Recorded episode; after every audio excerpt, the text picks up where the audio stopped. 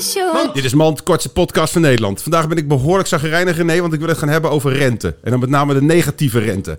Wat de fuck is het zo dat als je boven de 100.000 euro hebt... en sommige mensen hebben dat nou eenmaal... moet je godverdomme gaan betalen.